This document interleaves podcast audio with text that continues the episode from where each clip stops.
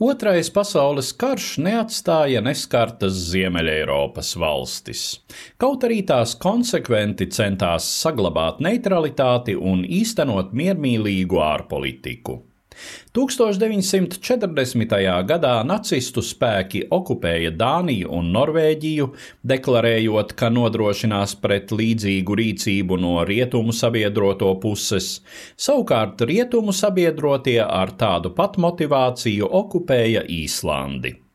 Padomju Savienības agresija pret Somiju neizbēgami noveda šo valsti Vācijas sabiedroto un tātad karu zaudējušo valstu nometnē. Vienīgi Zviedrijai izdevās saglabāt neutralitāti un suverenitāti, lai gan pastāvīgi laipojot un piekāpjoties attiecīgajā brīdī spēcīgākās puses prasībām.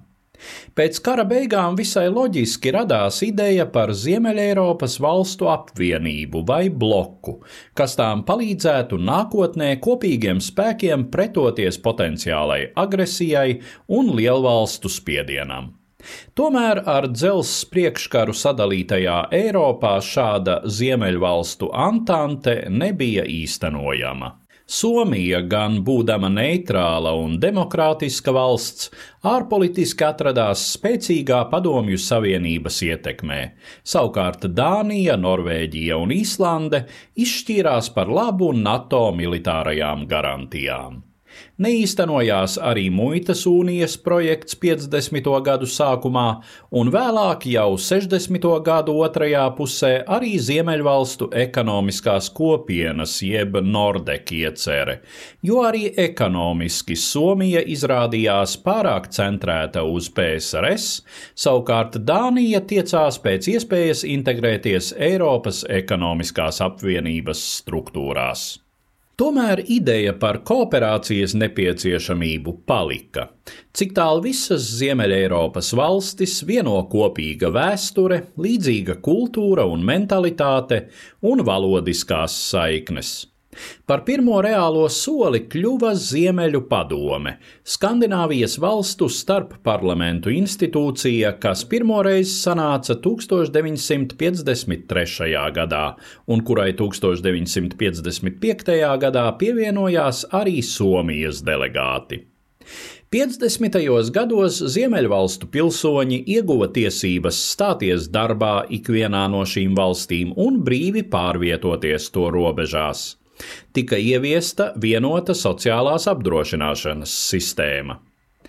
Arvien ciešākā sadarbība ieguva konkrētākas aprises Helsinku līgumā, kas tika parakstīts 1962. gada 23. martā.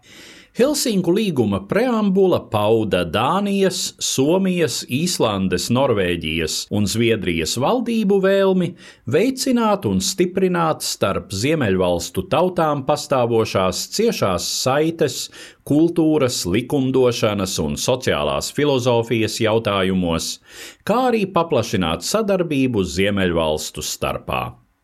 Turpinājumā līguma pirmais pants iezīmē primārās sadarbības jomas - likumdošanu, kultūru, sociālo nodrošināšanu, ekonomiku, transportu, komunikācijas un vides aizsardzību.